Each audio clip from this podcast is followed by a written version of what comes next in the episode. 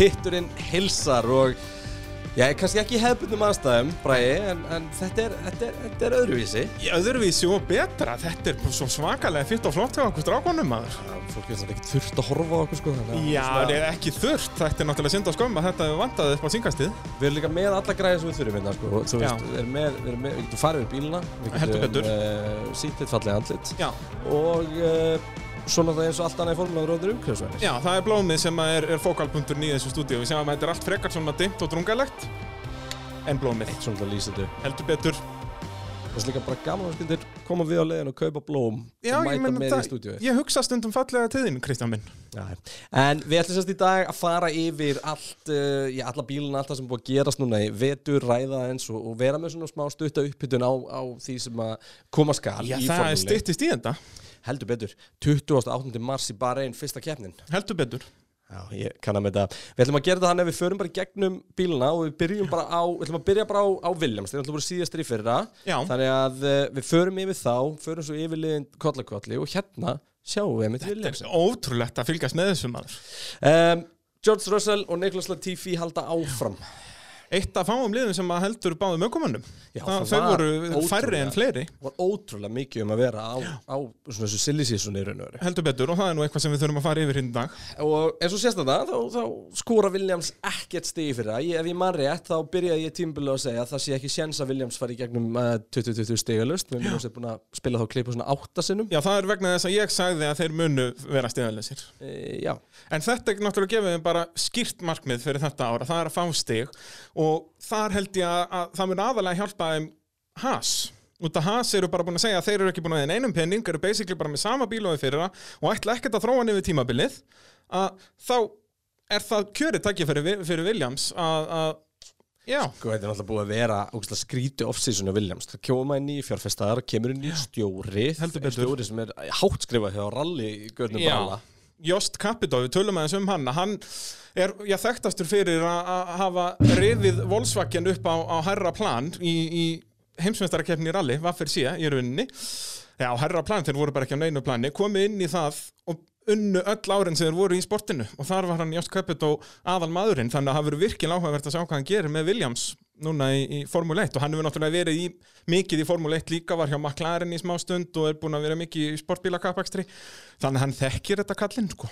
Sko, það sem að ég hef mestar áhyggjur af fyrir Williams Já. og það er svona fílósofi hann á bak við hönnunina í bílnum og ég, ég get ekki gúttir að hana Nei. að einhverju leiti, sko, bara að útskýra uh, Williams fara í raun og veru að elda þetta hámarks uh, niðurtök, bara max downforce og allt sem að þið gera er bara að ná í mikið downforce, ná í mikið downforce. Og í staðin búa þetta í bíl sem er rosalega þröngan glugga af virkni. Já, Við vitum við erum með góða mótor með, við erum með hérna Mercedes mótorinn sem er búin að vera besti mótorinn í fyrir svindlmótorinn að færa í og þú veist, þetta er búið að vera einhvern veginn en, en þessi filosofía að búa til bíl sem að sko, er með svona þröngt optimum svið einhvern veginn. Það er svona lítið svona svið því að Já. það er eitt sem gerir sko það hljóma frábælega út Mercedes og starta fremstur fremstur allan tíman já, En ef þú ert í kjölsögu eftir einhvern bíl þá ert ekki með neitt að komast fram úr. Þú munt droppa meira aftur því að stór, stór hluti af eiginleikum bílsins dettur út Já, já. í, í þunnu lofti.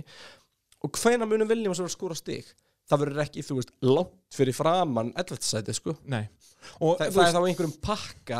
En ég skil alveg pínu lítið hvernig þeir eru að hugsa þetta út af því að þeir eru búin að vera í en þú ákveðin veist, tíma. Russell sagði, það verður svona tíu keppnir sem við getum eitthvað í ár. Og hvað, þá Já, að mæta í 13 tíu- keppnir í viðbót og geta ekki neitt? Ég myndi halda að hann veri færri en tíu. Hann sagði að þetta veri mikið svona jó-jó tímabil eins og hann orðaði sjálfur. Og ég myndi kalla á góða að það ná að vera tíu út af því að þið þurfa alltaf þessar fullkomna aðstæður en þá eins og segi, er það ekki bara ákjæft fyrir lið sem að veita að það verður basically alltaf í síðasta sæti að geta þá á þessum fullkomnu helgum að geta þá komist eitthvað aðeins upp listan og svona samhliða kannski við förum í yfir muni farið við að svona hægt og rólega þá, þá erum við með í raun og eftir æfingarnir bara einn alltaf þessa töflu þar sem er búið að við erum búin að gera ráð fyrir, fyrir bensinmagnusunum bílunum, dekkjunum og þannig. Það er svo mikið data sem er verið að sapna fram hjá liðunum sko. Akkurat, og þá er Og- búið að reikna út svona meiri svona heildar tíma ef það er að orða það þannig. Já, og þar eru Williams sko næst hægastir Já. um, um það bil tveimur og hálfri sekundu hægari heldur Red Bull ring Já, en á undan Haas og það er það sem ég er að, tala um að, og Haas er ekki- rauninni þeir og sem munu ekki, hjálpa þeim sko- mest að ná þessu stíi Já, ekki endilega sko líka ógeðslega langt á eftir restinni. Nei, veist, þeir þeir, eru eru, þeir komnir- eru komnir. inn í hennan pakka til þess að berjast bara á, á sínum eigin fossendum við Alfa Romeo og Haas. Akkurat, akkurat. Og, og, Nei, nei, en ég meina það, lítil skref. Það, þetta verður að byrja eitthvað staðar hjá þeim. Og, og hérna, Það er William Steor já. Ég ætla að segja, ég hafði rétt fyrir mér með þetta í fyrra og vona ég verði aftur með þetta rétt núna. Ég held að þeir fáist ykkur. Sko, við sáum alltaf George Russell líka þannig að hoppar upp með Mercedesin frábær. Ég og ég meina ógeðslega spennandi aukumæður og mistækur ennþá. Við erum búin að Já, ræða það já. mikið, hann er að gera mistök hann gerir mistök þar líka. Hann gerir mistök þegar hann er í stigasæti á Immola þú veist, það er það er alls konar í þessu ennþá hjá honum en ótrúlega hraður aukumæður þannig að við, við munum vita hversu hratt Viljámsbílinn kemst allavega. Og líka áhugavert núna er að við náttúrulega vorum að keppa í bara einn fyrir nokkrum mánuðum síðan og þá náttúrulega voru tímatökur þar. Þannig að núna er hægt að bera saman bara tímatökutíma við æfingarnar sem voru í bara einn núna fyrir viku síðan. Og þar er Williams eina liðið sem fór hraðar Já. enn í tímatökunum. Og náttúrulega reglubreitingarna þar ástæðan fyrir allir hinn fara hægar, það er búið að minka downforce í golfinu, það er búið að gera miklu einfaldra golf svona fyrir framan afturdekkið. Akkurat. og, hérna, og samt alltaf magna, við sjáum það alltaf ára eftir ára það er alltaf verið að minka downforceið. Þú veist eins og þeir gerðu framvangin auðveldari eða þess að satt já meira simpul að þá samt byrjuðu liðin það horfaði bara öðruvísi á hvernig þau leysa það vandamál. Nákvæmlega. Það er eitthvað sem þessi lið kunna það að leysa vandamál. Já, það er það sem Formule 1 lið gerir. Og ég meina það eru flesti tæknstöðum að segja við verðum komið saman downforce þegar við komum til Abu Dhabi í Já, haust sko. nákvæmlega, nákvæmlega. Þannig Já, um, Williams hvar sjáum við enda? Næst, næst, aftur, næst hægasta liðið. Er það okkar? Ég myndi okkar segja já, að það er markmiðið því að þeim hlýtur að vera það að, að, að þeir verða í reyna að vera hraðar en Haas og ég held að þeim muni takast það. Og það Haas ætla ekkert að þróa bílinn á og, en það sem er kannski stóra í þessu öll saman er að nýju eigendnir eru alveg til að fara sömu leið og strólafélagar og, og fara að kaupa hluta af til Williams var svo mikið stolt í að búa til sjálfur og það líka framlegað fyrir aðra allt formúlu E rafkerfið og eitthvað svona dót sko. og hérna, Nú er það búið að snúast nú er búið snúst við með Já. nýjum fjárfæstum, þá vilja þeir náttúrulega bara árangur bara skiljanlega, við að eða peningunum í eins og segir bara eða pening í árangur ef ég er að koma nýrin í formúlu 1 þá myndi ég gera þetta. Ef ég get bara keift úr kassanum besta bílinn frá því fyrra og nota ég hann. Yep. getur við svona næsta ári Já, já, við erum nú eftir að tala um, um uh, Racing Point uh, Aston Martin. Um, við okkur þá yfir á Haas. Já, uh, Ural Kali Haas Formula 1 team. Að sjálfsögðu, þetta er ekki bara Haas lengur. Nei. eða Hasepin Racing eins og við kýs ofta að kalla það. Haspin Haspin hérna þessi bíl sem er svo sannlega ekki rúsneski fánin en eitt eins og við hefum rætt áður er og er engin skýrskotun í hann og ekki, úst, Úral Kali er náttúrulega bara alþjóðlegt fyrirtæki. Já, já, það er Um, engin rúsnest tenging nýjönda seti fyrra, næst síðast er náði þrjú stig var ekki grósa með tvö og Magnús með eitt. Jú, svo, svo stendur á skjánum allavega. Og svo er þeim báðum sparka út. Já, og ég svo sem skil það alveg. Ég kannski frekar skil ekki með Magnussen en, en þeir voru bara ekki nógu góðir blessaði drengirnir. Nei og það var líka sko, voru, þetta voru aukumenn sem höf, höfðu verið á það háu levulega þeir voru bara ekkert að nenni svo að naftaskorti og bara voru líka búa til vandræði þegar þeir þurftu minnst á vandræðan Já, að halda að þetta var bara Þeir einhvern voru mjög duglega við það hérna Já, Drive to Survive maður, þeir bara byggu til heila serju eða tvær serjur, vonandi þrjá ára núna. Veitir ekki af, úff, dræfst svo ræfi, ég þarf um að setjast yfir það ef Já, það. já, það er bara, kom serja út núna bara. En uh, Nikita Mazepin Já, uh, uppáhaldsökum aðra allra hvernig, spáði því að takast að komin í, komast inn í Formule 1 og þú ert eiginlega legg skrifar hjá öllum áhugamennum áður en þú kemst að stað? Bara, og svona leggst, eða svo bara svona sem leiðinlegur. Ekki það að fólk er ekkert eitthvað að hann kann ekkert að keira hann er bara Nei, það var bara einhvern veginn allir leiðinlegur. fjölmilamenn sem að fylgjast með motorsporti og eru á staðnum og svona, þeir voru einhvern veginn bara að afskrifa típuna bara í Formule 3 sko. enda bara, sjáðu bara mannin Ég- þetta ég- er alveg Ég ætla ekki að ég hef aldrei hitt hann sko. En hérna, en þú veist, þetta er, þetta er, þetta er þung staða sem einhvern veginn uh, er í kringum hann og allt andrúslofti og stemmingin og þannig en sko við gerum grín af því að, einmitt þetta sé rúsnesku bíl og eitthvað þannig já, já, og mér langar svolítið að flagga eitt sko. Hvaða bandariska fyrirtæki hefur til í að styðja hasfræði komin já, nákvæmlega. Það er ekki, ekki nokkuð Já, hvað skapað. er eitt eða eitthvað. Já, bara Haas sem er náttúrulega eitthvað verkfæra fyrirtæki eða eitthvað hann Já, en, þú veist, það, er, í- það er einhver einhver eignatengsl þar Já, sko. akkurat. Nei, ég bara segir Þannig að það að er Jack and Jones, maður. Jack and Jones er danst Ah, skellur. Þannig að þú veist, það þetta er spurningum Þetta þetta er svona áhugavert þegar maður fara að spáðast þessum Já, fórsetum já, Ég hef gert það sama ef ég var í Gene Haas sko. Já, þetta er, þú veist, við erum ég allavega að horfa á þetta bara sem grín í okkur Já, hann er rúsneskur, mér er alveg saman hvernig bílinn lítur út. Það skiptir En ekki það- nokkur einasta máli. það er svo mikið talað um þetta sko. Já, já. Uh, uh, En hérna ég, er persónulega samt mjög spenntur að að fylgjast með Mazepin að, að, sjá hann, hvort hann sé alveg að bleiðilegur allir segja og, og hvernig hann er í braut. Og hann er náttúrulega er búinn að vera mjög hvað maður að segja, dónalegur í braut. Hann er Pínu Maldonado. Já, hann er svona alveg, hann þvingar fólk út af braut og, og svona, já, já, er með dólkslæti bara.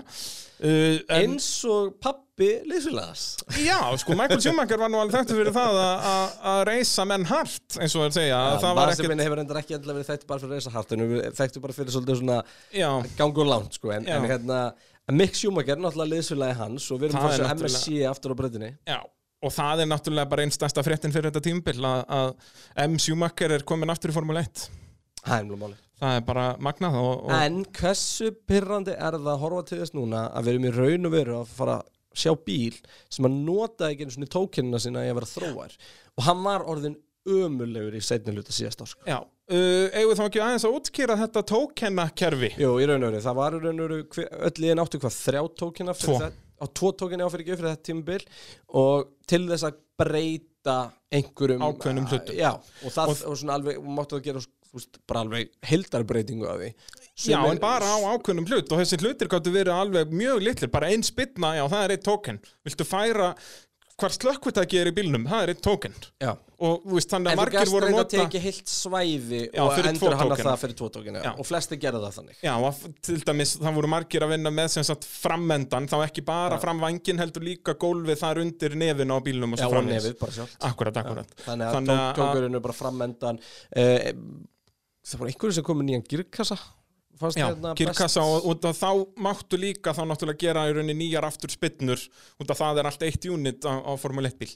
En æfingarnar hjá Haas voru einhvern veginn alveg ofsalega áhuga ó, óáhugaverðar. Já, bara eins og ég gerir ráð fyrir að hans verði allt þetta tímbil fyrir utan þessa tvo ökumenn sem eru fréttnæmir þannig að þetta er basically bara alveg sama vennulega hjá Haas að það er lítið að frétta en verður sennilega eitthvað drama þarna hjá ökumennunum alveg eins og það var hjá Grósan og Magnúsin. Gæti gert það, Haas samkvæmt uh, okkar tölum eru langhægastir. En þegar hún er tvo nýjökumenn að læra bílinn þú veist, bæði Williams og Alfa Romeo sem eru fyrir fram að þá eru með tvo gamla aukumenn sem að kunna á bílinn og kunna allt þannig erum við að tala um bara þrjá daga. Já, og já, talandi um það reynda, mér fannst það rosalega áhugavert að hérna, Roy Nissani kerði hvað heilan dag eða eitthvað í já þeir, Williamsinu þeir, skipta sér í þrennt bara, þeir eru með þrjá ökumenn og, sest, og þar, að, þar að meðal er testökumæður þeir og hann fekk heilan dag. Ég maður hefur bara einhvern veginn haldið að þeir myndu sleppa því í þessum aðstæð Já, veist, með bara þrjá, þrjá æfingadaga og, Já. svona bara pínu skrítið. En síðan náttúrulega við meðum ekki gleyma því með Haas að þeir náttúrulega eru með Ferrari-vélina og núna er Ferrari að koma með nýja vél eða mjög Algjörlega, betri vél og það ætti að vera mikið búst það náttúrulega fór endanlega með það á síðasta tímubili að Ferrari hafa skitið svona hressilegi degið með þessa vél en nýja gat lítur vel út. Já, þannig að það ekki alveg verið að, Haas ná að vera að berast þarna með Williams og ég ger alveg ráð fyrir því eins og Williams hefur verið síðustu tvö ár bara alltaf í síðasta sendi, ég held að Haas verði ekki svoleiðis í ár, ég held að svona Haas og Williams verði svolítið að skipta þarna á en ég hugsa Alfa Romeo verði alltaf skrifin á undan Já, og það er þá bara fín, uh, fín punkt til að fara að tala um Alfa Romeo er það ekki? Jú, Kimi Rækonen, Antonio Giovannizzi bara same old, ekki flókið Hvað er Rækonurum gamall núna? 41 eða 40? Það er nýja fært út 41? Eða verður hann 41 á árinu? Það er geggjur spurning. Já, það, hann er allan orðin gamall, það er ótt að segja það. En Um, hann er hvergi næri hættur. Nei, og kom mörgum á óvart núna þegar að Giovannizzi sérstaklega var, var framlengt við hann í rauninu en ekki. Mick Schumacher sem var tekin inn í Alfa Romeo. Um, sem mér finnst mikil synd. Og það Giovanazzi hefur ekki verið að gera neina rósir. Nei, nei, Hann bara svona hann, hann, er, hann er svona gjössanlega Já, veist, Hann er ekki ömulur, hann er ekki aðlátsefni hann er ekki frábær, þannig að maður er ekki dástáðum og vonast að fara eitthvað meira. Hann er bara hann er aðna er ekki, hann er aldrei eitthvað kýl eitthvað sel inn í pitt eða að vera með dolgslæti og, og e, segir ekkert merkilegt í viðtölum Jú, hann klifti sig einhver tíma, hann leiði einhver, einhver tíma einhverjum að klippa sér hári þegar hann náði einhverjum Það var árangri. reyndar eina bestu setningu sem ég heirt Það er enda rétt. A, a, a party without Kimi is just a meeting Já, Það er það, við skulum gefa honum það, við skulum gefa honum það. Já. En eins og segir, mjög þurr bara og svona, þarf ekkert að vera þarna. Já, það það- hefði verið mikið skemmtilega að sjá Mick Schumacher með Kimi Rækonin í liði út af því að Schumacher, hann getur allan að gert eitthvað Alfa Romeo honum, þessi Það er er vita vonlaus. Það hefði verið svolítið íkonist líka sko. Já, nákvæmlega, og- með Rækonin sem, þú veist, út af þá er Schumacher að upp eitthvað staðar að brosa, sko. Ekki uppi reyndar, ekki ennþá. En hérna, en sko Já, þú veist, það er bara eitthvað, það er bara eitthvað svona fallegt samspil Já. Þannig að uh, vonandi, uh, vonandi þú veist, ég hefði viljað sjá þá hreyfingu um, Nýja Alfa Romeo mér finnst það fallegu bíl, þá í braut og hérna, Já, við En- fórum að segja við það í síðasta já, það þetta. fór maður að segja því síðast ári en uh, sérst að síðast ári, uh, áttastig þar af var uh, Kimi með fjögur og uh, Giovannizzi með fjögur líka, skiptu sér bara jæmt á milli sín, Kimi samt alltaf stjarnan í liðinu var að gera miklu meira. Já, það var, Giovanazzi byrjaði bara að gera eitthvað í lók tímabils þegar hann Já, þeir þurfti átti bara sparkunum Já, já, og og, eitthvað, já, Þannig að spyrjum að byrja ekki. tímabilið og ætla sparkunum í ár? Þá kannski væru bara að tala allt öru Já, allt bara, já, þannig er 16 stigum kannski eða eitthvað, það er áhugavert. En ég hugsa að Alfa Romeo verði þarna alltaf vel á undan Haas og, og Williams og þá aftur tölum við um þetta. Þeir eru með ferrari vélina og hún verður miklu, miklu, miklu betri í ár. Og það er náttúrulega eina ástæða fyrir þeir voru svolítið í skýtnum í fyrra og duttu inn í þennan slag með, með Haas og, og, og Williams er út af þessari ferrari vél og nú ætti það að breytast. Þannig að spurning hvort þeir geti út af markmið þeirra hlýtur að vera að fara upp að, byrja Já, að ná að komast í, þú veist, hjá Alpín og hjá þessum miðjuleiðum Uh, munið þið náði á þessu tímabili, ég hugsa ekki Nei, það en, er ekkert sem bendur þess. Nei, ég hugsa ekki sko. og náttúrulega bílarnir verandi nánast í sömu og í fyrra. Um, ef við fyrir með sko töfluna þá var Alfa Romeo hvað 0,3 á, á undan Williams ætla ég að segja í svona er búið aðlaga tímana. Um, við sem alltaf samt og við höfum alltaf sagt að það þarf að lesa hæfilega lítið Já, í æfingar. En eru síðan alveg hálfrið sekund á bak við Alpín Já, á sko hybrid árunum held ég hafi gest tvisvarsinnum að hraðasti bíl í æfingum hefur orðið mestari Já, þetta var náttúrulega ferrar í ákveða líka alltaf að mæta og stela fyrirsögnum sko. Já, já, og, og, og eins og líka þegar Red Bull voru bestir hérna fyrir hybrid árin að þá voru þeir yfirleitt ekki bestir í tímatökum. Nei, Eh, nei, í æfingum segi ég, já, já. Þeir voru bestir í tímatökum Já, svo sannarlega. en, eins, þú veist, bara eins og 2014 fyrsta hybrid ári, þá voru Williams hraðastir í æfingum En þá slúið að hoppa yfir í Sputnik lið æfingana Já. Alfa Tauri. Það er svona fyrsta stóra fréttin í, úr þessum æfingum að Alfa Tauri líta mjög vel út og það er, já, helst að þakka þessari rauðu merkingu þarna neðalega á bílnum. Ekki bara það, það er líka bara eitthvað sko Alfa Tauri, spæði þessu, þeir, þeim bauðst að, að fara í Red Bull aftur undan bara frýtt Þeir hefði þurft að taka tókinu út af Já. Sleppa því, ákveða að hanga á gamla aftur undanum og er ennþá með sko bíl frá sem- 2018 Þú eða veist, vilja bara vera með bíl sem er skilja. Mhm. Það er bara svolítið það sem er að horfa til. Alfa Tauri í sjöndasæti fyrra voru svona síðastir að miðjupakkanum uh, 103 stig, Gasly með 75 og þeim, Kvíat með 32 Kvíat hættur, Sunóta að koma inn úr Formule 2 og það er klikkið að spæði, það er bara fjögur ár sinna Sunóta var að undirbúið sig fyrir Formule 4 sko. Já, það er svo veist, hann er þar. Og það sem er Tsunoda- gammal? Bara 22 eða eitthvað Þú er- þú mátt ekki hendur svolítið svona Nei, ég veit ég, ég, Hann lítur út fyrir að vera nýjára Það var svo góður þetta, ekstra, ekstra smól á loksins fæst Alfa Tauri, kemur bara frá honum. Hann er ekki stór en hann er mjög, mjög, mjög klárugum og búin Já. að vera, veist hann gæti verið svona næsti verstafinn í Red Bull. Já, þú varst að tala við með þetta núna áður en við fórum í, í upptöku. Ég náttúrulega veit ekki neitt um hann. Við hver eigum við að búast? Við varum að miklu að þig Ok. Ég er ekki endilega viss um hann kom eitthvað inn og pakki Gasly Nei, enda Gastli náttúrulega frábæra aukumæður en ég hugsa að hann verði á pari við hann sko. Það er svo leiðis Já. Að ná að vera hann bara Já.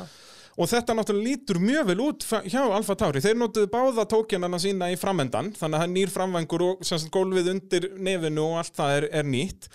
Uh, og bílinn nýtur mjög vel út af braut og þeir gætu vel verið bara að fara að berjast á í rauninni bíllinn- herri endanum á þessu miðjunóðuri. Þeir voru voru alveg, með næst hraðasta tíman í æfingum já, en ekki, ekki marka það. Þegar það er búið að jafna þetta út þá eru þeir að skora inn einhverstaðar í fymta sæti. 1.29.05 með tíma sem gefa hann það er sko tveimur tíundur hlutum hraðar heldur en uh, Aston Martin. Það er veist, fjórum hundruðustu hægar heldur en Ferrari.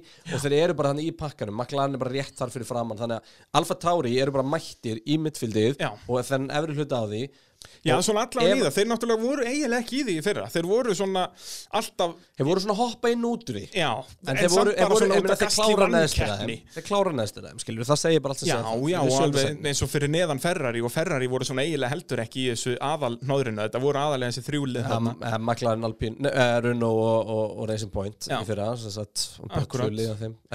Já, þannig að, en núna held ég að þeir verði alveg þarna, já, að berjast við þessi þrjúlið og svo náttúrulega gerum við ráð að Ferrari komist í þann slag líka og Alpine auðvitað líka eins og voru í fyrra, þannig að, að það lítur út fyrir að núna verði þetta fimmlið eða sexlið að hnóðarast þarna saman en ekki bara þrjú sem er bara veistla Sko, það sem að mun hjálpa Alfa Tauri núna strax er að þegar þú mætir í æfingar og þið gengur þetta vel strax í byrjun, Já, já, þá skilur bílinn og það er það sem við erum að sjá á þeim. Þeir skilja bílinn, ögumennir skilja bílinn og það að Yuki Tsunoda hafi getað á öðrum degi sínum í Formule 1 bíl, jú, hann reyndar voru búin að gera shakedown í móla hana en þú veist, það eru 100 kilometrar það og skiptist bara- á það á tvo sko. Já, já, ekkert að frétta. Þetta eru 10 ringir á mann sko. Eða 20 ringir á mann.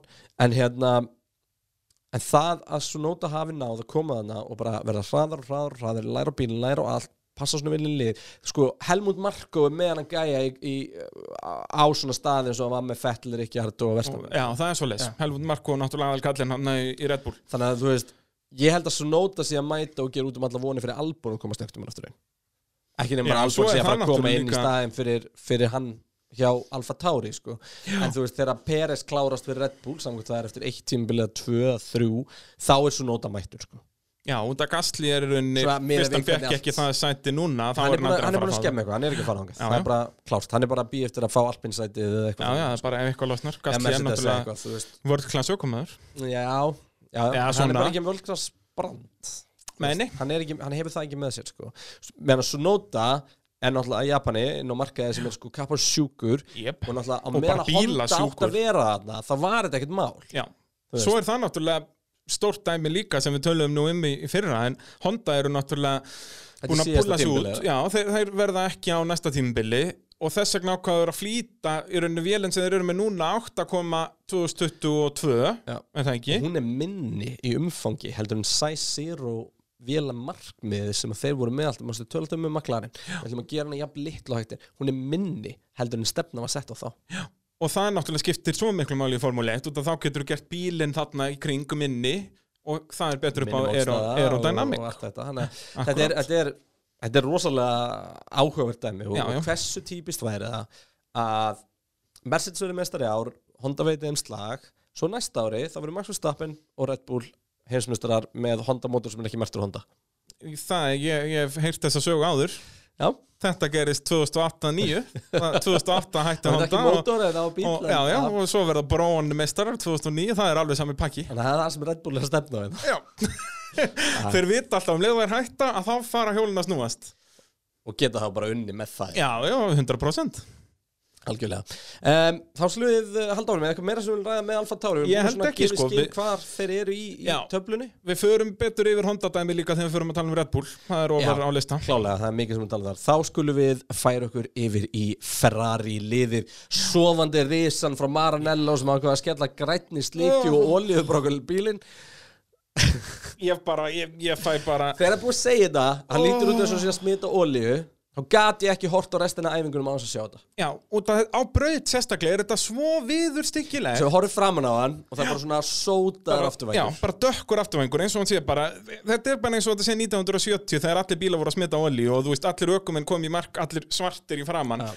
og, og síðan þetta græni, já, við fórum yfir í síðasta þetta, ég nenni ekki að byrja á þess aftur Nei, nei. Á uh, síðast tímbilið þá voru náttúrulega Charles Leclerc og Sebastian Vettel að uh, keira fyrir uh, Ferrari Charles Leclerc enda í 8. sæti með 98 stig Vettel í því 13. með 33 og Ferrari í 7. sæti í, í keppni bílasmiða með 131 stig Vesti árangur síðan 1980 fyrir þetta lið Já, en st stóru fréttina náttúrulega hjá Ferrari, en tvær stóru fréttir á Ferrari fyrir þetta tímbil, það er náttúrulega í fyrsta lagi það að Sainz kemur inn í stæðin fyrir Vettel Já, Og þetta er ekki búin auðvelt fyrir Sainz að setjast upp í hennar Ferrari og kera hratt í þessum æfingum. Nei, nei, það er alveg rétt. Og maður svona fekk pínu svona verstapin Albon feeling í Leclerc og Sainz. Og ef maður mátar það á Leclerc Já. og Vettel í fyrra er þessi ferri bara bíl sem að örfár aukuminn geta gert Það, við töluðum mikið um það í fyrra og það er alveg raunin eins og þú veist Sainz var bara eins og vettilega góðum degi þarna fyrsta daginn í æfingum, hann var snúandi í annari hverju beigju og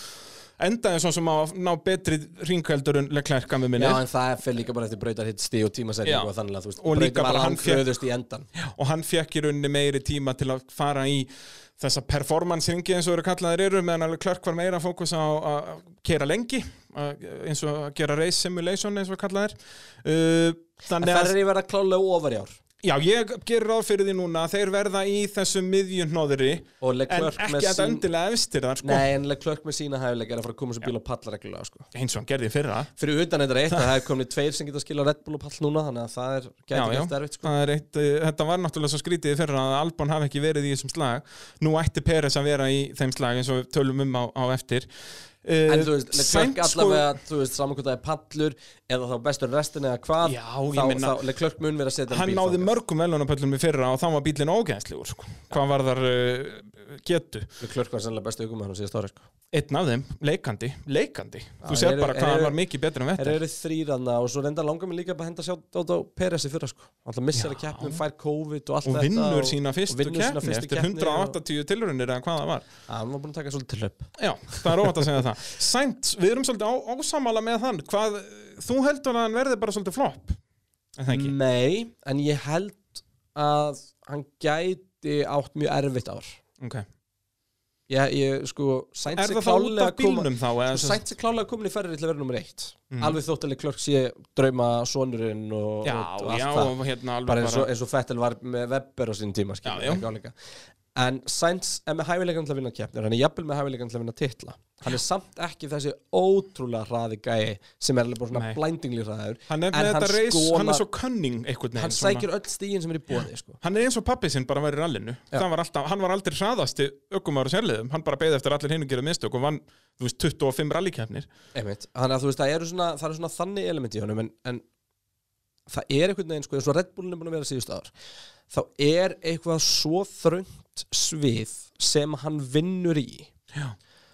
og það er ekki að bara einhvern veginn funkar held ég fyrir Sainz. Sainz vill Þetta er- Sainz var í geðveikur í Mercedesnum í fyrra. Hann hefur verið klikkaðar á honum. Nei, hann er, ég er að segja, hann hefði verið já, í Mercedes-bílum bíl með þá eiginleika. Já. og McLaren var svolítið þannig bíl hann var þægilegur að keira og, og, og var að virka sko. En er Ferrari þá svolítið eins og að segja bara erfiður að keira það. Já, bara eins og hann var í fyrra. Bara bara eins og að- Red Bullin var í fyrra. Já, og Leclerc og Verstapin er ekkert ólíkir að aukumenn Nei, þeir eru með þetta Þeir geta bara haft bílinn og hreyfingu undir sér. Já, og e, þeim líður vel með það í rauninni. Það, Flest allir ökumenn geta það en, en e, það er ekki rétt að svona fílingin þeir eru þá ekki endla að eyða því alltaf úr bílnum og svo akkurat. alltaf fyrir einhver alltaf átt með setup eða reyna að finna einhvern stöðuleika Mhm. um, annars sem ég held að geta trubla ferri er að nýju dekkin frá Pirelli eru að sína fram á aðeins með undirstýringu og ef Já. að afturundin er laus og þú ert að undirstýra meira fram á gætur þú að færi svolítið snapp ávestir og það er held ég það sem maður var að grípa sæns aftur og aftur. Já, að það er sem sagt þegar þú ert með bílinn að fara í gegnum beigju og hann beigir ekki neitt og beigir ekki neitt og beigir ekki neitt og síðan allt í hennu fyrir afturhendin svo allt í henni grípur hann og afturundi fer. Já, og það er að- náttúrulega bara versta tilfinning fyrir ökumann sem þú finnur. Það er óþólandi sko og, og það er þú, veist, þú ert að spinna út í afturundi fyrir út en þú ert ekki að fatta það er út í að bílinn er ekki að beigja inn sko. Þannig að þetta er svona, þú veist, þetta snýst allt um, um balans og að finna eitthvað jafnvægi og, færa fórnir hérna með til þess að uh, ég raun og raun áðum annars staðar. Þannig að þú veist, þetta er, þetta er list og, og En sko, við vitum hvað við fáum frá Leclerc. Við þurfum eiginlega ekki að ræða. Nei, nei, en ég ætla að vera svolítið ósámalega Ég held að Sainz segi eftir að vera bara ólsegur með Ferrari og ég held að þetta er unni eftir að snúast upp í vandamál hjá þeim eins og svo oft vill vera með ítalanna þeir, þeir verða Heldur að Sainz ná í alvörinu sama hraðu og Leclerc? Á köplum, já. Já, ég skal alveg kaupa það að vera vandamál á köplum en náttúrulega Ferrari verða mjög fljótar að setja niður línuna þegar það eru komið 40 stegum Já, það er svo sem rétt, já, það er góða punktur. Um, Hins vegar ég, ég er ekki þetta er ekki eitthvað svona ég vissum að þetta gerist. Þetta er meira eitthvað sem ég hef bara svolítið áhyggjur af fyrir hönd Sainz, ég fíla Sainz minnst það flotti gaur, flottur aukumæður og hérna, pappas er og hérna, en þú veist, þetta er bara svona ég er ekki alveg að sjá hvernig hann ætlar einhvern tíma að vera nummer 1 hjá Ferrari. Já, það er meðan Leclerc er aðna og er með samning til hvað, 2025 eða eitthvað? Þannig að, já, ég skil það alveg og og það er meiri líkur af því að ef það kemur upp eitthvað friksjón eða vesennanda þá er bara sent sparkað. Leclerc er þarna eins og segir bara sonurinn Hann er búin að vinna á Monza og. Ítalið elskan og það elskan allir. Já, það er rétt, þetta er hárið til þér. Þannig að þetta er svona Þetta er flókið. Þetta voru áhugavert, en eins og við segjum við spáum ferrar í svona þetta, hva, eitthvað cirka sko, 5. samkvæmt, sæti. samkvæmt töflunni góðu úr æfingunum, þá eru þið fjórðir hraðasti bílinn og undan Alfa Tauri, beint á eftir McLaren og það er ekkert, það er engin munur að þeim Nei. sem eru svo, já, þannig að þú veist það er, eru svona einhvers starfna fjórði, fymti hraðasti bílinn núna. Þeir eru, ég, ég held að séu sko ég held að á þessu tímuli muni ferri ná fram fyrir miðuna ég að var ekkert verði í þriðasetti ég er ekkert hissa að þau komum inn í, inn í lokkjefnir í ár að ferri verði þriðasti, já. Ok, mótorinn er orðinn það mikið betri. Mhm. þetta er lið með já, þetta allt og hérna hann ég hugsa að ferri sko, ég, ég hef ekki trú að ferri ná að berjast við Red Bull og Mercedes Nei. en ég hef trú að því að þeir verði komnir aftur svolítið í þannig einskinsmannslandi sem að Red Bull var svolítið í á tímubili Það Já, þú heldur voru- að þið verða alveg vel á undan maklarinn ekki, ekki núna, Nei, nei, en þegar það tekur að líða á tímubili þá held ég það. Já, og þannig að þeir mun enda tímbil í þriðasetti þetta, já, Ok, já. Væri ekkert hissa á því. Ég er en svo unni, þegar ég það er hendi svo því fram já, það er svo erfitt því að spá hendi því fram þá sko er ég með spá hérna í skuffunni þar sem við spáðum hvernig aukumenn enda. Já. og þá er ég ekki með á svona ofalega Já, sko. það er enda rétt, er, og vá, Þannig að- við vorum að gera þetta bara út í bíl hérna í morgun og við vorum bara eitt spurningamerki framann Vi, við ætlum að setja svona topp 10 og við förum yfir þetta inn í lok þáttar hvar við spáum bara topp 10 ökumönnunum. Já. og svo vorum við búin að gera eitthvað lista, já, sáttir með þetta Býtu, herðu, já, ég er ekki einu sinni með Leclerc á listanum. Og þú veist, og Alonso, hann hlýtur hann að vera eitthvað staðar og bara þetta var massífur hausverk. Já, við förum, förum mjög rættir en, en þetta er allavega sko ég hef trú á að ferri það, það, því þess samt heldur ekkert þú veist, að þeir verða endilega í þriðasetti stekinn bílasmöð ég er svolítið að segja bara þegar kemur að endan á þessu ári ef þeir ná að finna balans jafnvægi sett upp á þessum bíl þá vil ég klörka fara bombin stegum og að sæns líður vel á honum þá er hann að fara bombin ókslega mikið að Sainz er náttúrulega svo mikill stegasafnari, sko. Þetta er og alveg er þá magnaður ökumaður líkillin líka að því að Ferrari í raun og sann stigum því að Mhm. þú veist Ferrari væri náttúrulega alltaf um stað ef að að í hann 20 stigum að eftirlega klærki en ekki 50 að, þá varum við að tala um eitthvað annað. Við skipta yfir í Alpin Já, Runo, gamla. Gamla Renault geggjaður blái bílinn já þá til þú sérð hvað hann er Sé- breiður hann á baku en, en sko ég var svo ánægð með hérna með hönnuðin hann bara eitthvað vá það er svo mikið body shaming í gangi hérna.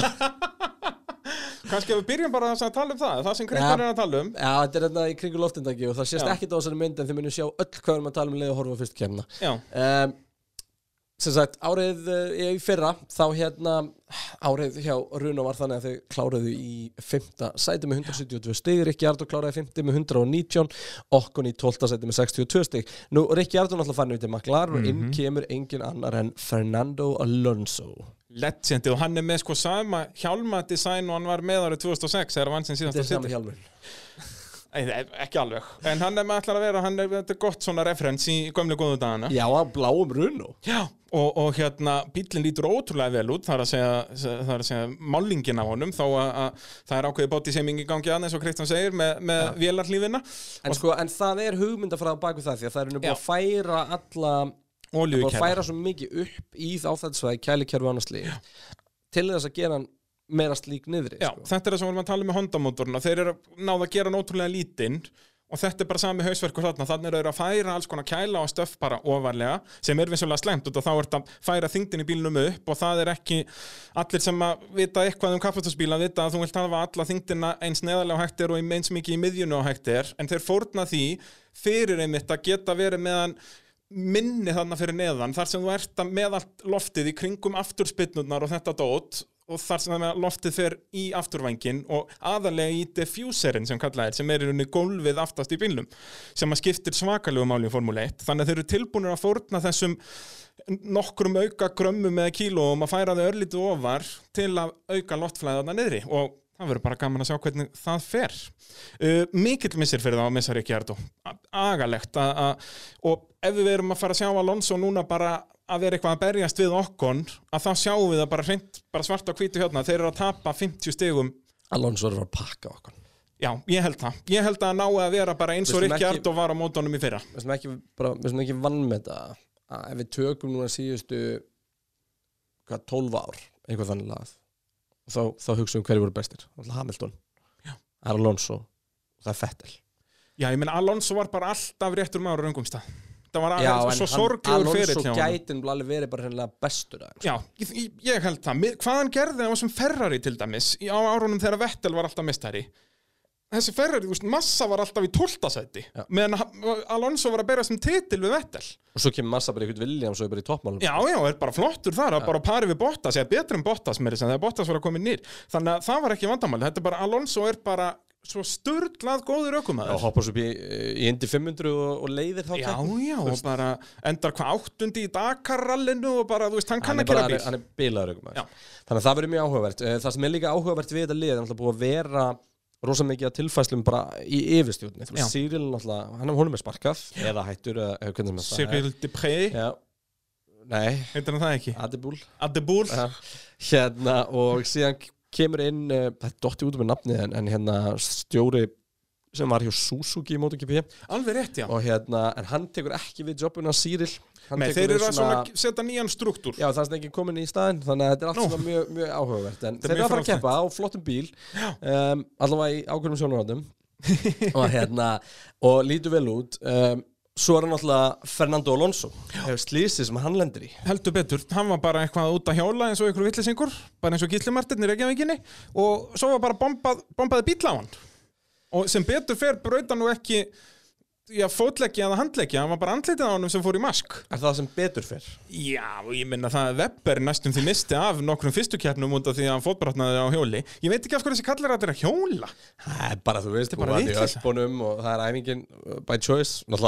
þú veist, í eins og Hamilton Hann fór bara eitthvað upp í eitthvað fjall og var Já, bara já. hérna veitur bara grjótarður, bara eitthvað að vera jóka þar en, en jú, hann lendir í því að hann sem sagt kjálkabrotnaði hann á Lonso Miss, og missir þetta tennuna og það er bara búið að tjastlunum saman með bara títarníum og einhverju dóti og Já.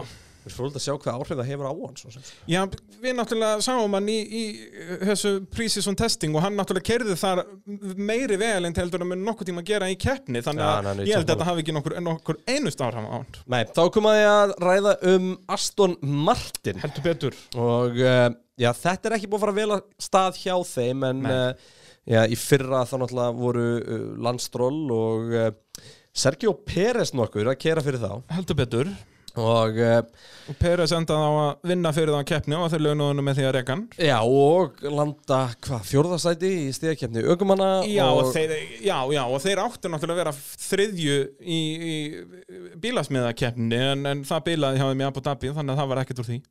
Sko, bílinn er geggjaður og þú veist, uh, í útliti og, og, og Já, annað. lítur vel út en, en þeir náttúrulega náðu eiginlega ekkert að prófa hann Nei, það er, þetta er svona, þetta er pínu, pínu skríti allt saman því að þetta veginn átti að vera liðið sem gerði bara þessu fyrra mætti bara með tilbúin bíl sem var ekkert mál að keira en hvorki leitan eitt sérstaklega vel út í braut og endalu spilaðar bara Já, ég með, þú veist, Vettel kerði minnst allra, náði engum sem sagt performance-ringjum, hann náði bara að kera þessi long run, þannig að hann náði, var líka með lélegasta tíman overall og, og bara ekki góður undir, undirbúningur, sérstaklega fyrir mann sem er að koma nýr inn í lið. en það er verið að gera ráð fyrir að þetta sé sjötti hraðasti bílinn núna Já, æfingarnar. sirkabát og hérubil, það hefur búið að rekna allt saman og þeir verða í þessari þessu miðjum ellið þarna og þetta verður bara svo dásamleg barátta þarna eins og við vorum að tala um aðan, þetta verður ykkur 5-6 lið bara að berjast. En þú sem mikill áhuga maður um Sebastian Vettel Já, ég er hans fanboy number one Hvar, hvernig heldur þetta tímbil verið?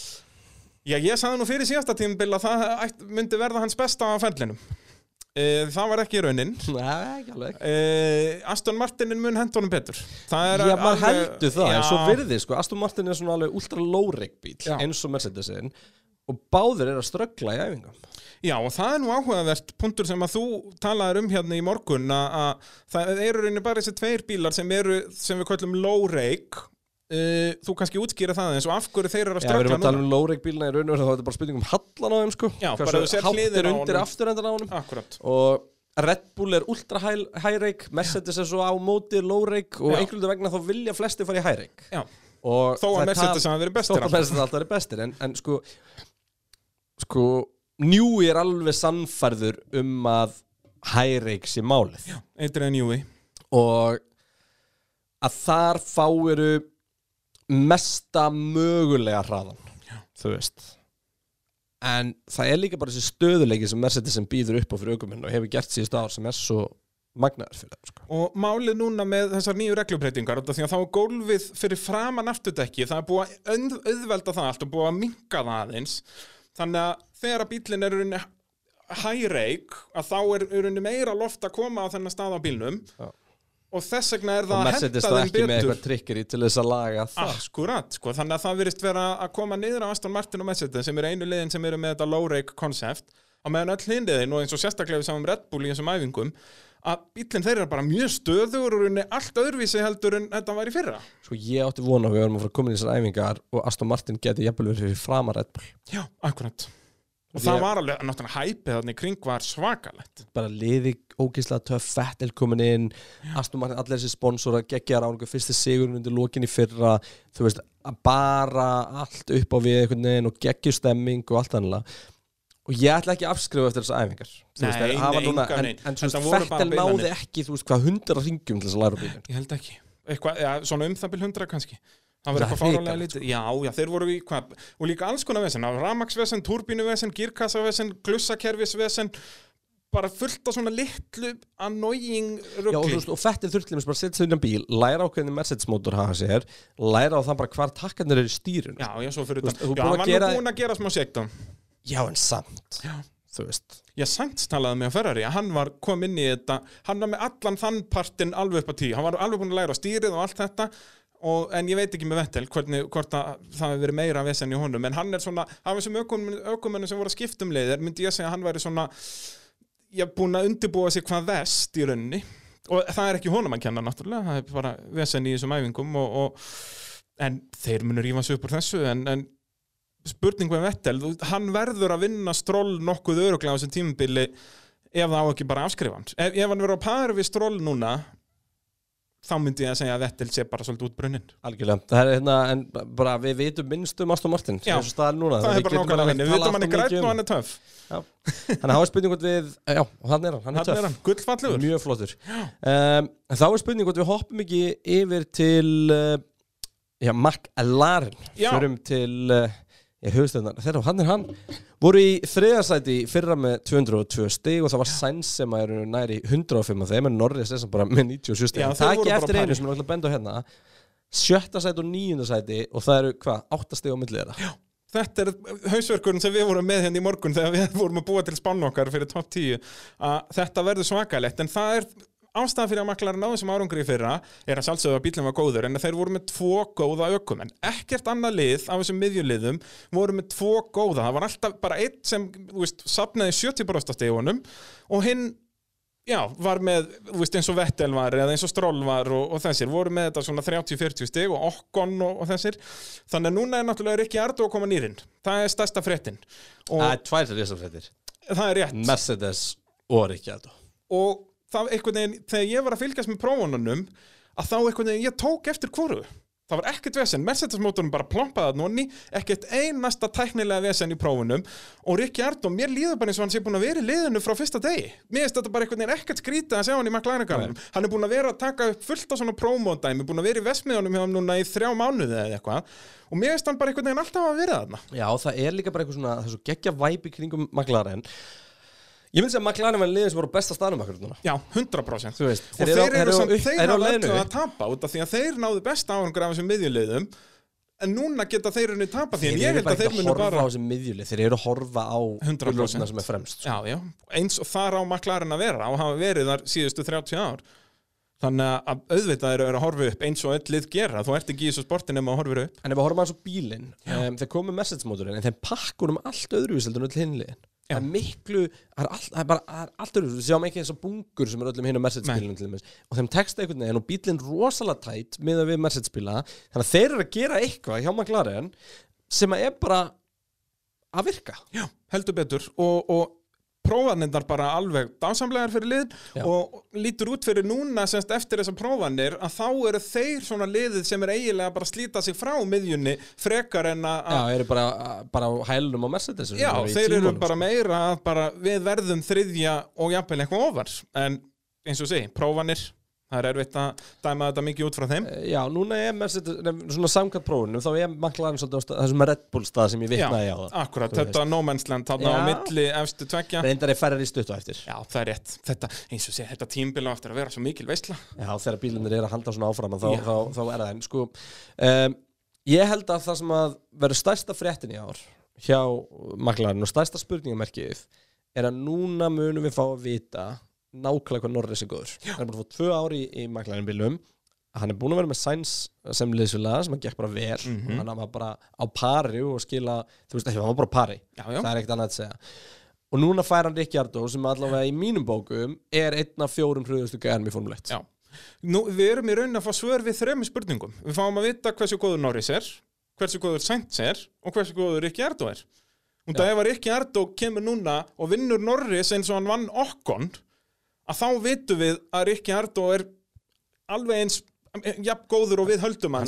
Verstappen Hamilton klassanum Já, já, akkurat, bara algjörlega vel klass og þá vitum við líka að Sainz og Norris eru kannski ekki alveg af góður og við höldum en það, við sjáum það líka kannski Sainz með að við Leclerc.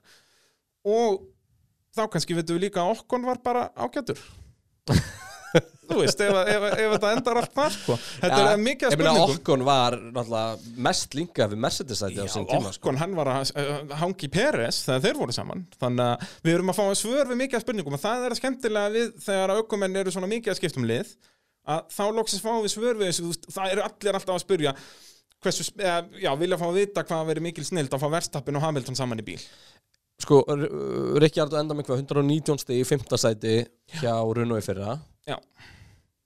Hvað, svona, ef þú ætti bara að velja einhverja tölu núna á stiga Stiga söfnun, sæti, eh, sæti og stigasönnun hann verður uh, 50 ég hugsa að Hann verður bestur í restinni. Já, hann verður bestur í restinni og verður ábygglega, hann verður með yfir 100 eða núna náttúrulega fáum við mikið fleiri keppnir þannig er eftir að segja, yfir 150 stig myndi ég að það segja, ef þetta eru hvað, 22 keppnir? 23 ár 23 ár, nákvæmlega, já, leikandi yfir 150 Var verið að frumsina brautina í Saudi Arbi Heyrðu, það er rétt, já. Og það var svo gaman að þeir tók þetta myndina af hann á ömmu spennunni Já, alveg rétt. Spot the difference. Þetta er alveg, síðan náttúrulega veistu hvað ennsku þulindir þurfa að segja þegar þeir eru fara á stað. Nei, It's rights out and away we go. Þeir eru ekki alveg með human rights átna já, takk fyrir að botna Já, Það var takk fyrir, það þarf vantaði alltaf að útskýra alla Já, mína brandara já. Er Annað það? verið farið, já við- erum alltaf að klippa út svona tíu myndur eftir hvern einasta trailer sem Bræði er búin að klippa sem að Bræði er að útskýra. Er að útskýra, heyri, þetta er nefnilega út af þessu. Og svona, Já, já, þetta er mjög gott grín. Þannig að, en þá er Það er spurning hvort að við förum uh, já og kíkjum á liði sem að toppaði æfingarnarinnar og það er Red Bull. Já, voru í öðru seti fyrra og líta alveg ofbáslega vel út núna er að fá Peres inn, Albon náttúrulega kveldskeitt í degið í fyrra. Uh, Peres er bara svolít stegasafnari og ég hugsa að hann verði ekki mikið að bögga verðstapin þó að Peres er nú þekktur fyrir að bögga liðsfélaga, það er nú frægast þarna Sko bara til að setja 2013 er það ekki þegar hann var að bögga Bötton hjá McLaren? Jú, bara að setja það í samhengi þá þegar það er búið aðlaða tímuna er það 0,8 sekundum hraðari heldur en Mercedes og ring. Á, á tímatökuring. Já og það er ekki fara að vera þannig. Nei, nei, og, en það sem ég get sagt er að það lítur út eins og Mercedes og Red Bull séu búin að skipta um sæti. Um, ef þú horfir á Red Bull bílun á braut núna í æfingum þá hagaði hann sér alveg eins og Mercedes bíl gerði í fyrra. Já. þú beigðir og hann beigði og afturhendin fylgdi vel og þetta var bara svo einfalt. Bara og, límklessa glotti var á verstafinn allan tíma þegar hann leið svo vel að kerinu bíl og þeir einhvern veginn svona virðast strax hafa fundið balans í bíl Og þetta er það sem við vorum að tala um á þannig að þessar reglubreitingar virðast hafa henda þessum high-rake bílum betur heldur en low-rake. Og mögulega þetta breytingin líka vinna sig við að þeim. Og ofan að þetta eru þeir með nýja handómótorinn sem er að svínvirka og ef að Red Bull ná að byrja tímabilið vel og það hefur alltaf verið arkilesarhællin hjá þeim. Þeir ná aldrei að byrja vel, þeir eru alltaf að catch up allt tímabilið. Þú erum að missa 50 stíg eftir 6 kemni. Ég sko. segi það, en núna eins og í fyrra unnuður Abu Dhabi, braut sem að þeir hafa bara sögulega aldrei verið góðir á, á hybrid-áránum, ja. vinna þar. Mercedes hafa átt þá braut bara núna síðan 2014 uh, eh, og ef þeir ná núna að byrja tímabilið vel og síðan að halda áfram að þróa þá loksins getur við fengið 13 að vera að óska eftir síðan 2013 að það verði eitthvað slagur um fyrsta seti við vitum að Verstappen er mjög góður okkumæður ef hann er ekki bara svo allra besti. Please gerið það fyrir mig. Elsku Adrian Newey og félagari Red Bull gerið hennan bíl góðan.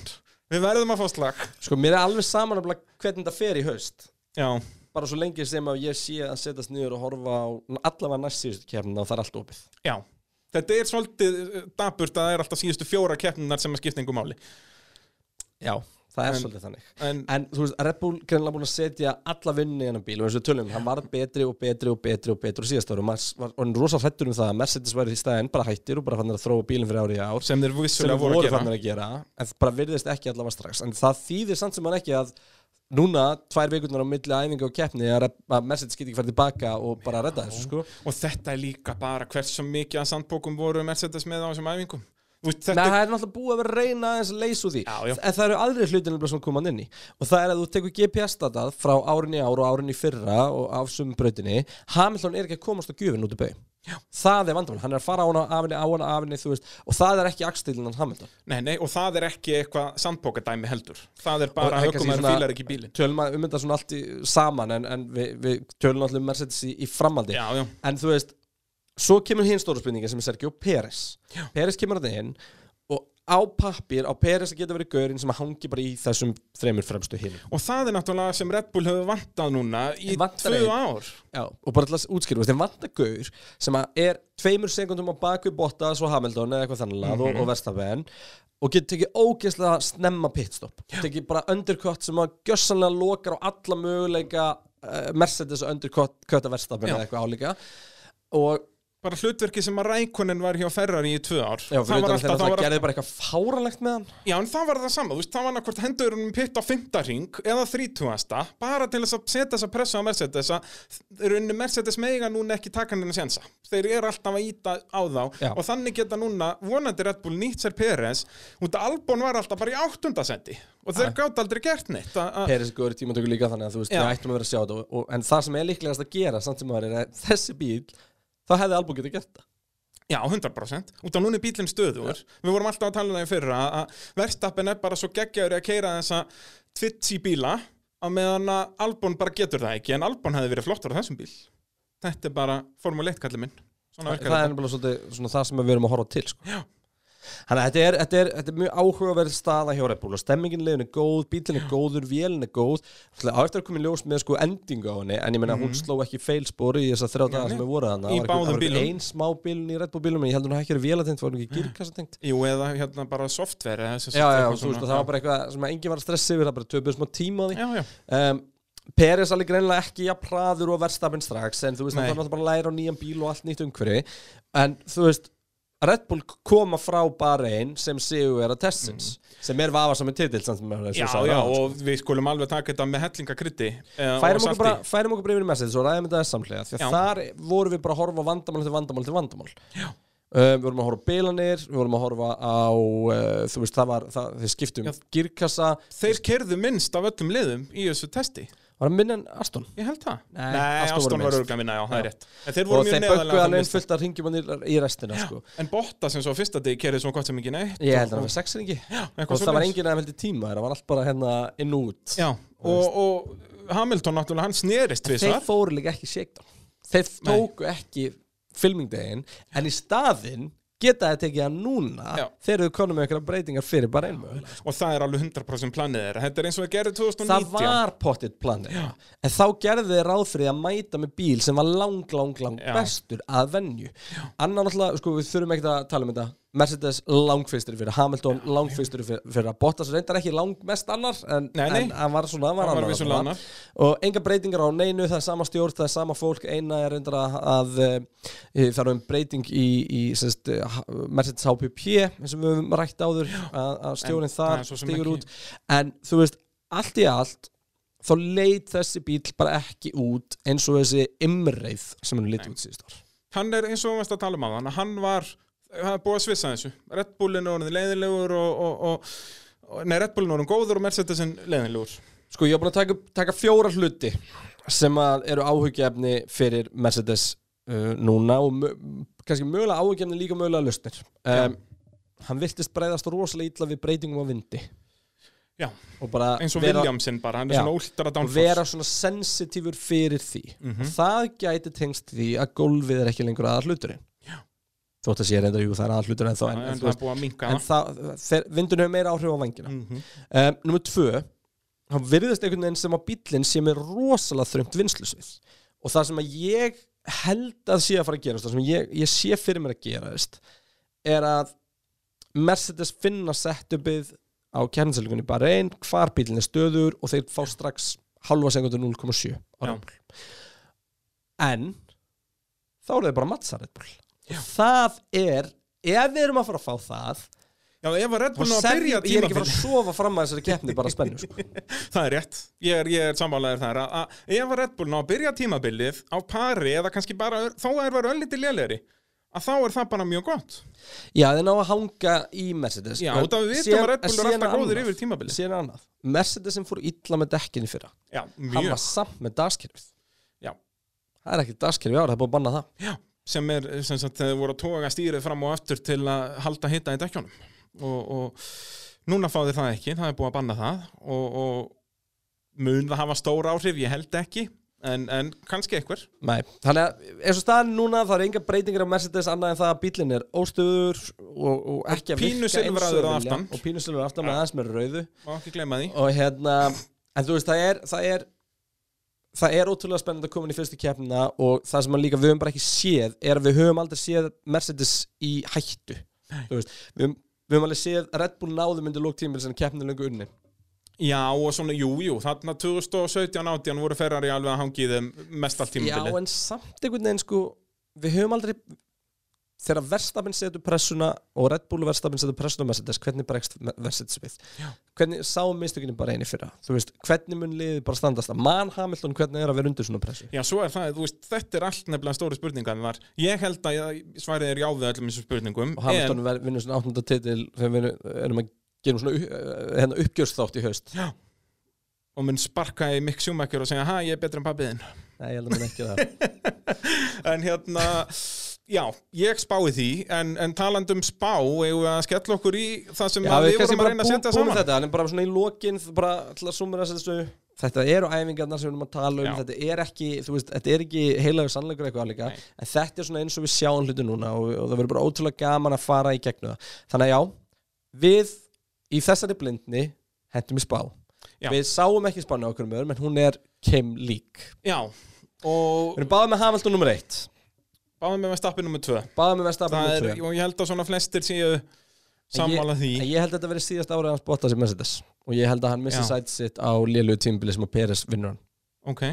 Þú ert ekki sammála því? Nei, ég eh, held að Bottas er það stöður að ég held að hann muni hafa það og, og Mercedes náttúrulega er svo mikil maskína að ég held að hann verði á undan Peres en þetta er mjög mikið bara ég held Í fimmta sæti erum við báðið með Rikki Ardó Já, við erum mjög sammála um það að Rikki Ardó verið best á því næst McLarenin lítur ótrúlega vel út. Já. Rikki Ardó er háklassaukumæður Hann mun sækja öll stig sem hann getur sótt. Já, það sem er unni skrítið hjá okkur er að þú ert með Norris í níunda meðan ég kem með hann strax á eftir Rikki Ardó Þeir eru ekki fara að ná öllum þessum sko. Og líka, þú veist, út að ég horfi síðan á mína spá, þarna Rikki Ardó og Norris í 15 og 7 það þýðir þá bara að McLaren sé að fara að vera í lang þriðja sæti Já. eða er að Ef, ef að þeir tveir eru alltaf að klára á bakvið Já. hinna og það er ekki að fara að gera, sko, það er svo erfitt að spá þessu En þar kem 10. ég með þinn mann Sebastian Vettel sem ég sé að þú settir ekki svona lista. Nei, ég endaði á hendanum út, ég sett hann inn fyrst og síðan hugsaði ég býtur, nei, ég verða að hafa Leclerc, ég verða að hafa Sainz, ég verða að hafa Alonso, þannig hann endaði á, endaði á sparkunum út af. Ég set sem sagt uh, Vettel svo sittileg Klörk í sjönda sætið Alonso í áttunda Landon Norris í níunda og Pierre Gasly í tíunda Við erum báður með Alonso í En sko, mér 10. líður svo illar með Gasly í tíunda því ég er að segja en að Alfa Tauri gæti jafnvel verið fjórðið besti bítalín En ég meina, hvern myndir setja í stað, þú veist, þetta er svo erfitt. Þetta er Klá, líka Klárum með vonlaust. þér, þú með, þú með Norris í Norris, sjötta Leclerc hann út, hann Við er erum- við erum bara... sammála um svo það. gegg- Já, við erum báður með henni í sjöðund Svo setur þú Gasly Já, ég, er Sainz. með, ég hlusta meira á okkur greinilega með að Alfa Tauri sé Ja. góður og, og ég verð að hafa sendt út að, þú veist, þú vilt að menna að hann verði svolítið flopp, ég er Já, ósamálaðið veist, þar mér finnst það bara að kemur ekkert óvart. En ég er líka alveg sammálaðið er að það eru önnur nöfn sem þetta vera, þú veist, eins og það að Vettel sé ekki í topp 10 er fáralegt sko, alveg, Og mér langar líka bara að ræða gæðin á þessu gritti Á mínu list er ég með Lewis Hamilton ég er með Max Verstappen ég er með Sergio Pérez ég er með Valtteri Bottas sem var Prodigy, hann er kannski ekki alveg á, á þessum hæsta klassa lengur, en Nei, er frábæraukumæður Daniel Ricciardo, Sebastian Vettel Fernando Alonso Já, já, þetta Charles Leclerc. þú veist, svo ertu með þess að spennandi görur svo Landon Norris og Pierre Gasly og Kimi Rækonen er ekki svona á listanum. Nei, hann er nú líka í Alfa Romeo já, en ég er að segja, hann er samt sem var Já, heimsmyndstari já, þetta er, þetta er Við erum alveg spoilt. Við Formule 1 áhuga menn hvað þetta varðar. Er það ekki? Jú, heldur betur að uh, grittin hefur sjaldan verið jafn sterkur. Kanski 2012, þegar voru með 8 heimsmeistar á til á, Nei, það voru þeir 6 Það var allavega met yfir flesta heimsmeistara sem byrjuðu tímabil. Er eitthvað sem við viljum ljúka svo? Nei, í raunin ekki, sko. Við töluðum nú aðeins um það áðan að, þú helst kannski hugsanlega Red Bull yrðu meistarar bílasmiða, frekar Mercedes Hvaða, hvaða glæfisku orð voru ég það veit sem að ekki hvort það er óskhyggja eða raunveruleg spá. Um, Sitt lítið á hvoru. og, og málega ekki miskilum, ekki það ég vil ekki Mercedes vinni, ég bara vill ekki vinni auðveldlega, Já, Þú veist, það er eina sem ég, ég og byrð allir eru sammálaðir þar. Það er, eins og ég segi, þó að þú heldur með Mercedes að þá viltu samt ekki að vinni með 200 stegum eins og við gert síðan 2014 Þetta er orðið pínu þreytt. Já. Þannig að- að auðvitað viljum við fá slagat og það er eina sem formúlinn hefur vantað núna síðustu ár. Það er bara Við- fyrsta Það við erum með allt annað. Það er, keppninar eru alveg frábærar og allt, er allt upp á tíu. Drive to Survivor, bara dásamlegt. En okkur vantar slag um fyrsta sætið. Mikið rétt, ég held að sé fínt að enda á þessu kannski svona eitt að lokum. Um, Núna, já, þegar að fyrsta kemur fyrir fram í barinn þá er ég mættu með ykkur í stúdíó Viaplay Heldur til þess að uh, já, fara yfir keppnar. Að Komin aftur í kommentator búðin eins og maður segir á góður íslensku. Ha, Þú saknaði þessu nú í fyrra að vera ekki að lýsa keppnunum? Já, ég gerði það. En það ekki? Jú. Þetta var fyrsta árið sem þú lýstir ekki bara hvað síðan 2000 og hvenær byrjaði Ég man ekki, þú varst með, þú varst að gera fyrirli minn upp í podcastdæðin 15, 16, eitthvað svoleiðis. eitthvað svo leiðis að hérna, búið að vera ykkur 5-6 ári á sem þú varst að lýsa. Þannig að þú ert komin aftur á þinn stað þar sem við viljum hafa þig Kristján minn. Mætti, mætti segja það, þannig að tjekkja á Viaplay og uh, hérna er alltaf bara eitthvað 1500 kall þannig að þetta er beautiful, bara alveg sem ég sagði þetta strax þegar að þeir komu fyrst, það er, það er mesta snildin. Og uh, við bræði munum síðan að sjálfsögðu vera reglulega með pittin og allt annað Já, já, áfram eins eftir eftir bestu keppnir. getu. Eftir allar keppnir, við segjum þá, ég segi það bara núna þá verður að mæta. Já, ég mættur Pitturinn þakka fyrir sig að sinni Kristján og Bræði